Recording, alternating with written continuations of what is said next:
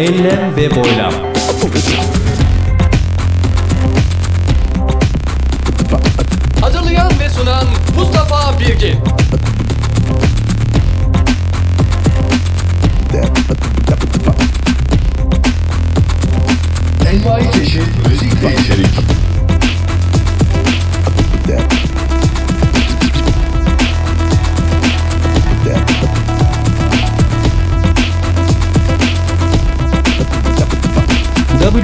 www.mbirgin.com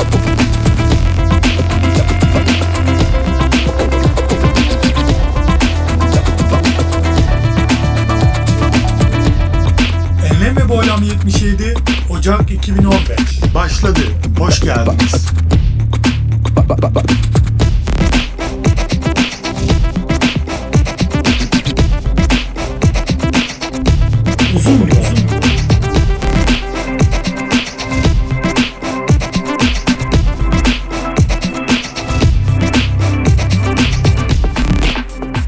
Merhaba değerli dinleyenler. Yeni yeniden bir uzun yol köşemizden sevgiler, saygılar. Efendim uzun yol denilince aklımıza gelen isim kim? Sefer Yeşil Bey. Uzun bir yoldan geldi ve şimdi kendisi Ankara'da misafirim olarak bulunuyor. Kısa süreli bir misafirlik ama birazdan yani bir iki saat sonra kendisini yolcu edeceğim. Yani bir iz bırakalım dedik ve en azından Sefer Bey ne yapıyor, ne ediyor bir sesini duyalım. Sefer Bey hoş geldiniz. Görmeyeli, görüşmeyeli nasılsınız, ne yapıyorsunuz, ne ediyorsunuz? Teşekkürler Mustafa Hocam. Biz e, ne yapıyoruz? Yine aynı şekilde çalışmalarımıza devam ediyoruz.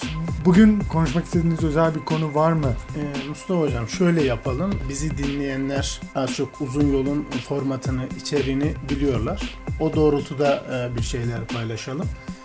Çalışmalarımız e, devam ediyor derken biz e, klasik anlamda bir e, Kur'an'ı anlama çalışması yapmıyoruz.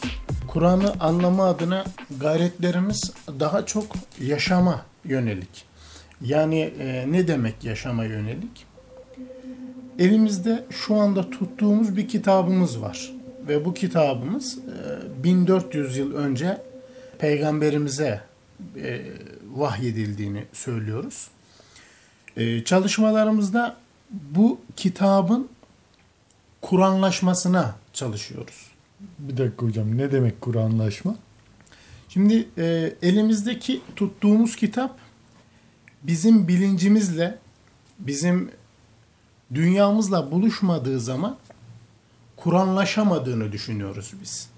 Yani toplum elindeki tuttuğu kitabı Kur'anlaştırabilmesi için zihniyle buluşturması, bilinciyle buluşturması gerektiğini düşünüyoruz. Şimdi Kur'an kelimesinin kavramının diyelim anlamı ne ki hocam? Yani Kur'an e, işte kelime ve anlamıyla yola çıktığımız zaman e, şöyle bir durum var.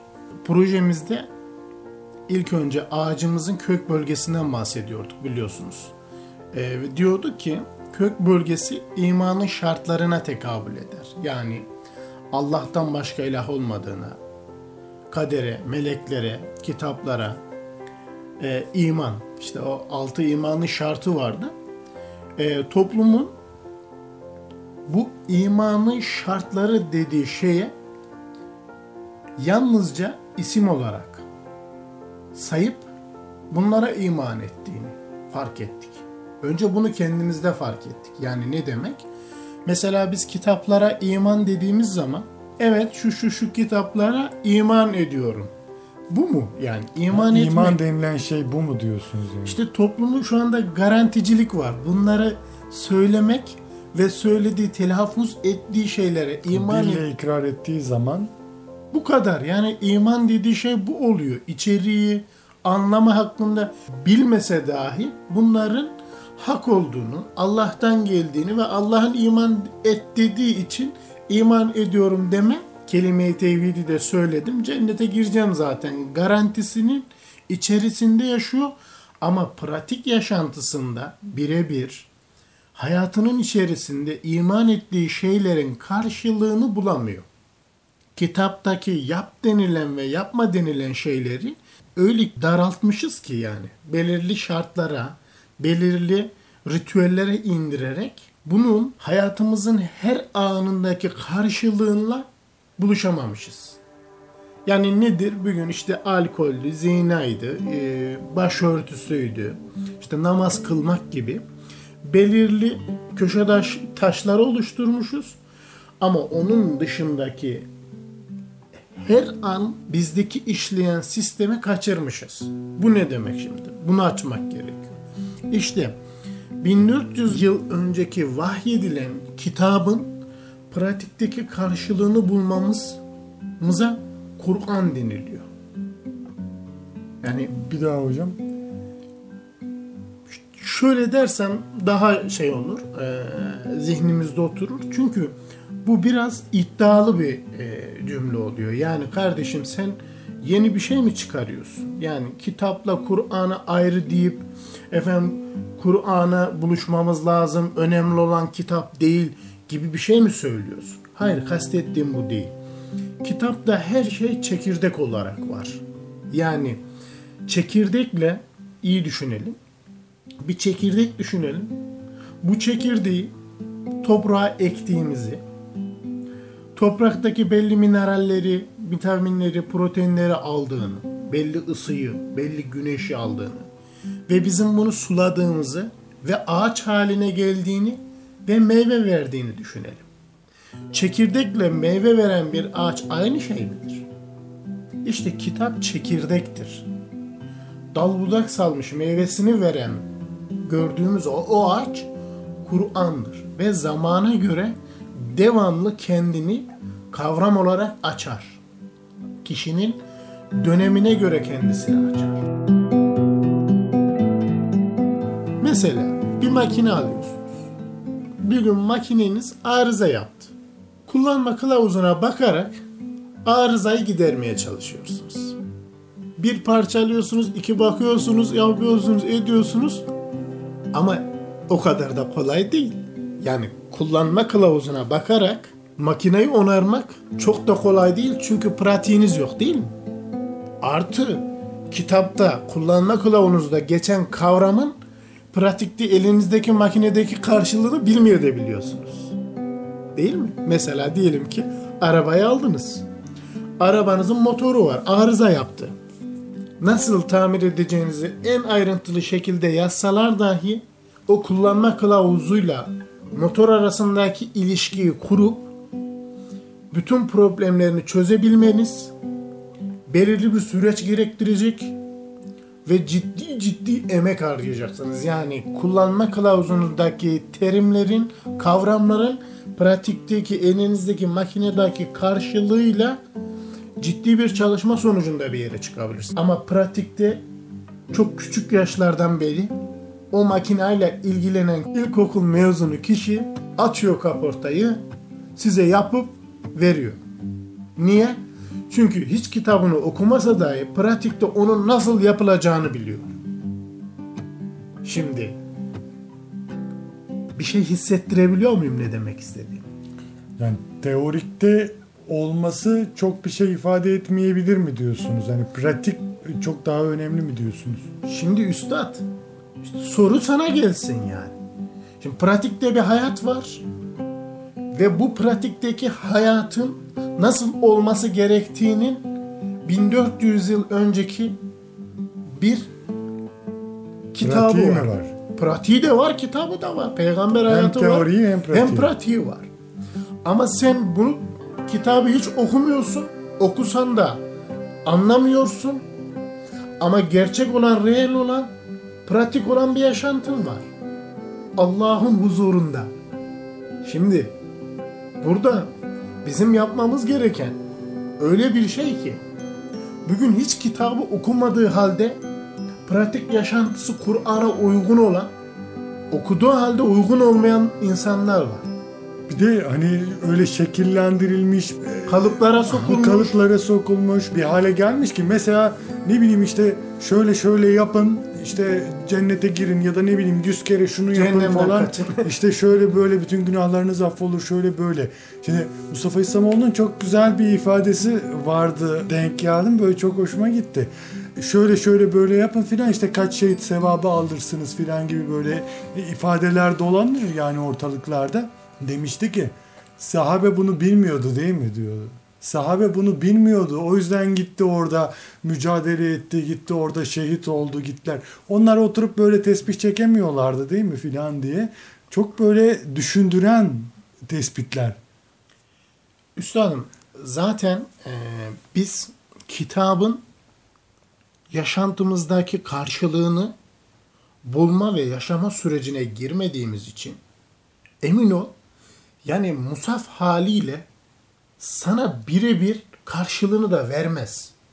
Ona emek harcamasan dahi yaşam pratiğinde samimi bir şekilde bütün duygularınla, hissiyatlarınla iyi insan olma.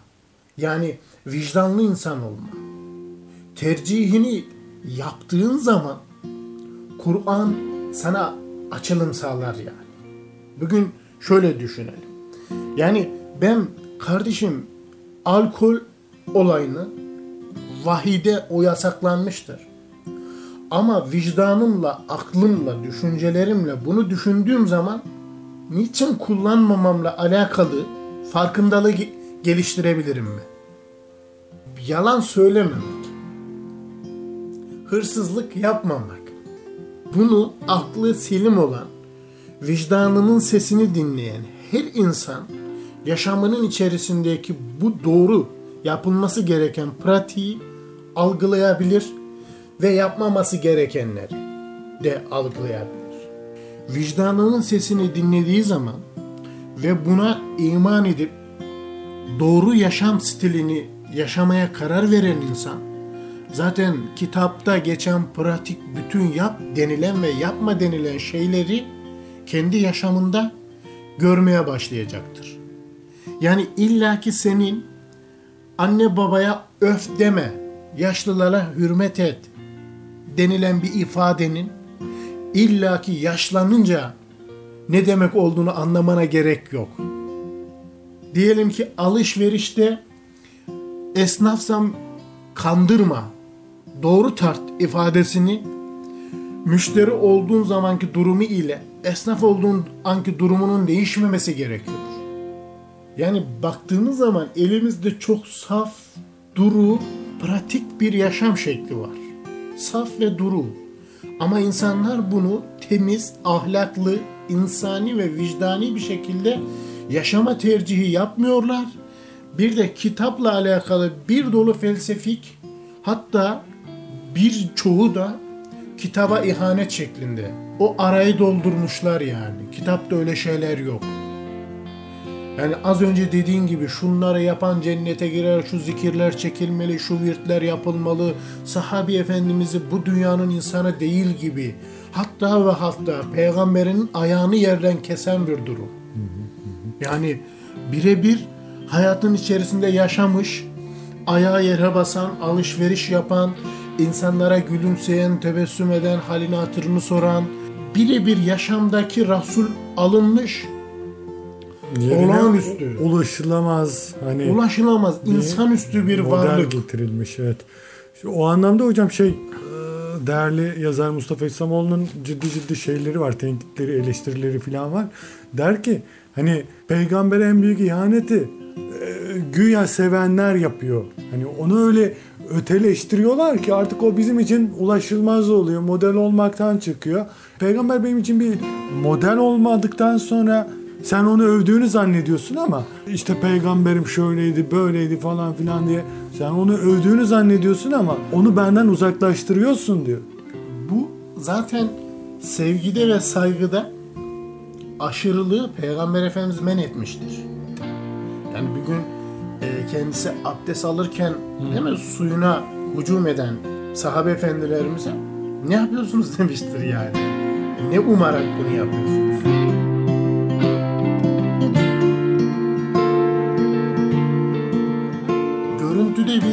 Model vardır ve kitapta tamamen pratik yaşamın yansıması vardır. Yani bizim tabiri caizse bu çekirdeği, kitabı sulayıp, ısısını verip, güneşini verip, büyütmemiz yaşamımızla olur. Yaşamdaki karşılığıyla olur. Bakın karıştırmak ve alışılmış kalıpların dışarısında konuşarak üzerimize bir tepki çekmek için konuşmuyorum ben. Çünkü günümüzde şöyle bir şey var. Herkes kitabı anlamada bir metot geliştirerek farklılık oluşturmaya da çalışıyor olabilir. Bu da ayrıyeten bir bozma şekli olabilir. Ama benim kastettiğim bu değil. Biz elimizdeki tuttuğumuz kitabın kesinlikle iman ediyoruz. Ama bunun yaşamdaki karşılığına iman ediyoruz. Bir de hani iman ettik diyoruz ama iş pratiğe gelince sanki pek de öyle olmayabiliyor. Bazı şeylere burun kıvırıyoruz, bazı şeyleri görmezden geliyoruz. Kur'an'da da var hani ayetlerin bir kısmını inkar edip bir kısımlarını kabul edenler. Yani öyle cahil ya da bilinçsiz diyelim daha doğrusu. Kimseler var ki Allah'ın ayetlerini koyuyorsun ortaya ama şöyle ama böyle filan diyorlar. Yani şimdi bu nasıl iman? Müslümanım diyor ondan sonra. Kesinlikle durum bu şekildedir. Yani hepimiz iman ettik diyoruz ama iman ettik diyerek bırakılmayacağımız söyleniliyor. Evet. İkincisi bir gün e, bedevi bir grup geliyor Peygamber Efendimiz'e biz de iman ettik diyorlar. Ayet vahiy şöyle söylüyor. Siz iman etmediniz. Siz teslim olduk deyin. İman daha kalplerinize yerleşmedi diyor. Yani o bir süreç ister diyor. Çünkü mümin olmakla iman etmek arasında bir yaşam pratiği söz konusu. Evet iman ettik. Tamam gir. Yani kapıyı çalıp girdin. Bu kadar. Yani şimdi bir ne olacak? Biz iman etmeyi ondan sonraki sürecini düşünmeden hareket ediyoruz. İman ettik deyip bırakılanlardanız biz yani. Yaşam pratiğimizde samimiyetle, itaatle ispat edilmemiş bir iman bizi kurtarabilir mi? Seni seviyorum diyorsun. Mustafa Hocam sizi seviyorum diyorsunuz. Ya neyi seviyorsun yani? Bunun bir ispatı gerekmez mi?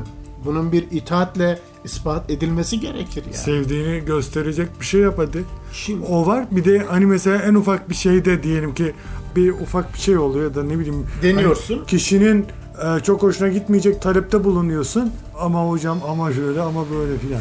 Şimdi Mustafa Hocam toplayacak ve şumullendirecek olursak ben bu konuşmamızın insanların zihninde meyve vereceğini düşünüyorum. Anlayan da meyve verir.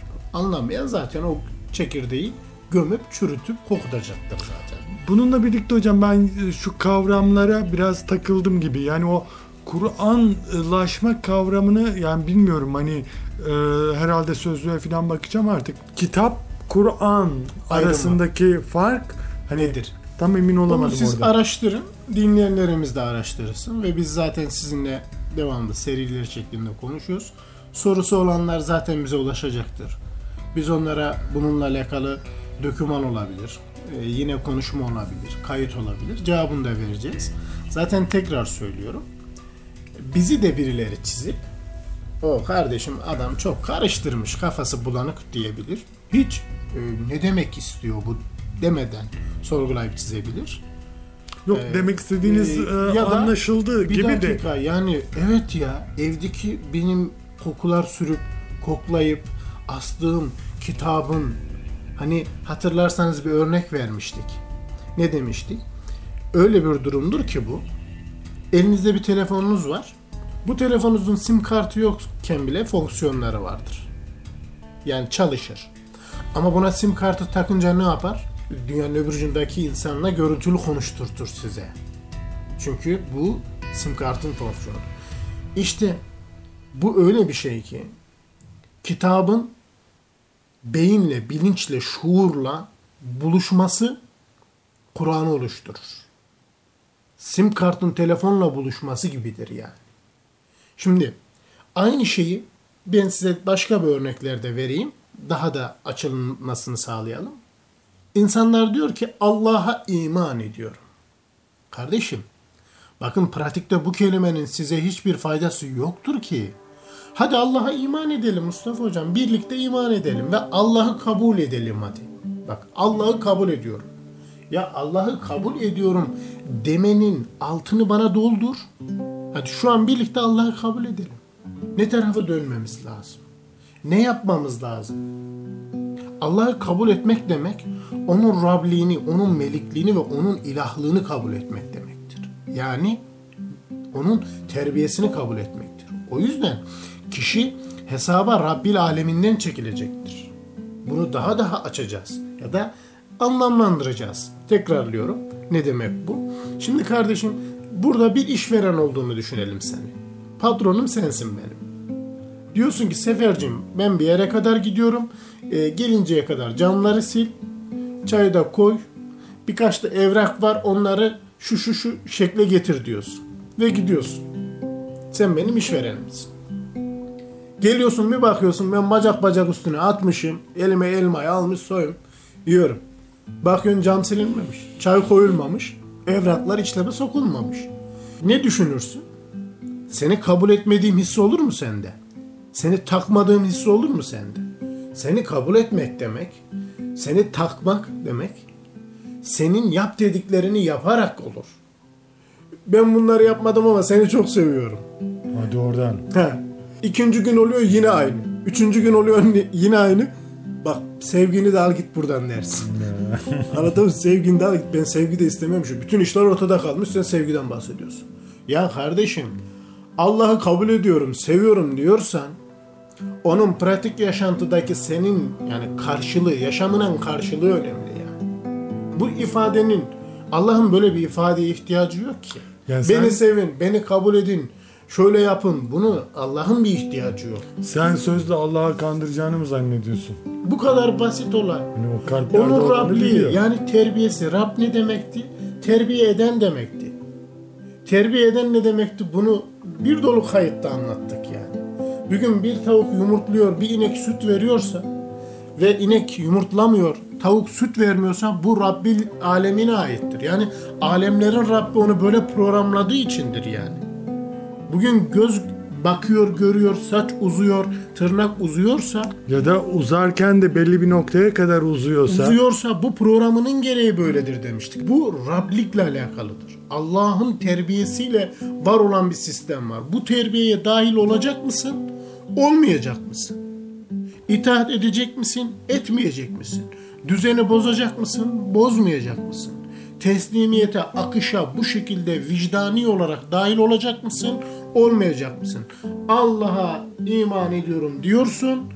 Resul'e iman ediyorum diyorsun ama vicdanına itaat etmiyorsun. Ne demek bu? Doğru olanı yapmadığın zaman sıkılmıyor musun? Gece uykuların kaçmıyor mu yanlış şeyler yaptığın zaman? Vicdanın bağır bağır içeriden bağırırken sesini kesersen, bir gün kesersin, iki gün kesersin, üçüncü gün kesersin, sonra ne olur?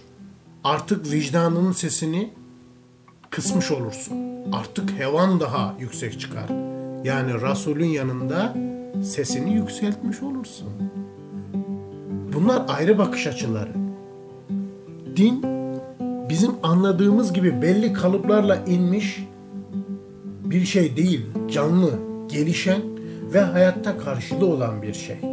Bunu insanlar araştırmalı, incelemeli, saygıyı öpüp koklayıp yüksek yerlere asma olarak değerlendirmemeli, yalnızca kelime itibariyle teslimiyet olmayacağını, yaşam pratiğinde bunun karşılığının gösterilmesi gerektiğini ve herkesin eliyle yaptığının sonuçlarını burada ve diğer boyutta yaşayacağını bilmesi gerekiyor ve Kur'an'la buluşması gerekiyor. Anlamla buluşması gerekiyor. Manayla buluşması gerekiyor. Acizane benim bugün paylaşacaklarım bu kadar. Hocam çok çok teşekkür ediyoruz. Evet kıymetli dinleyenler, değerli hocamız e, Sefer Yeşil Bey'i konuk ettik. Yine yeniden bir uzun yol köşesinde yeniden birlikte oluncaya dek esen kalınız, sağlıcakla kalınız.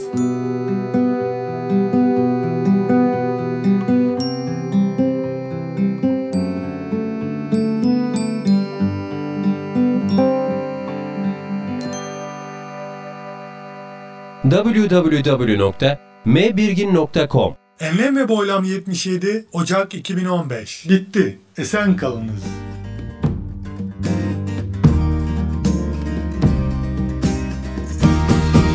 Enlem ve boylam.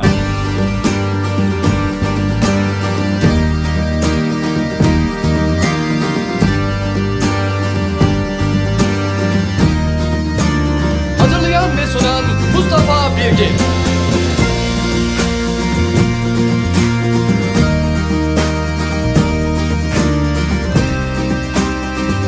Envai çeşit müzik ve içerik.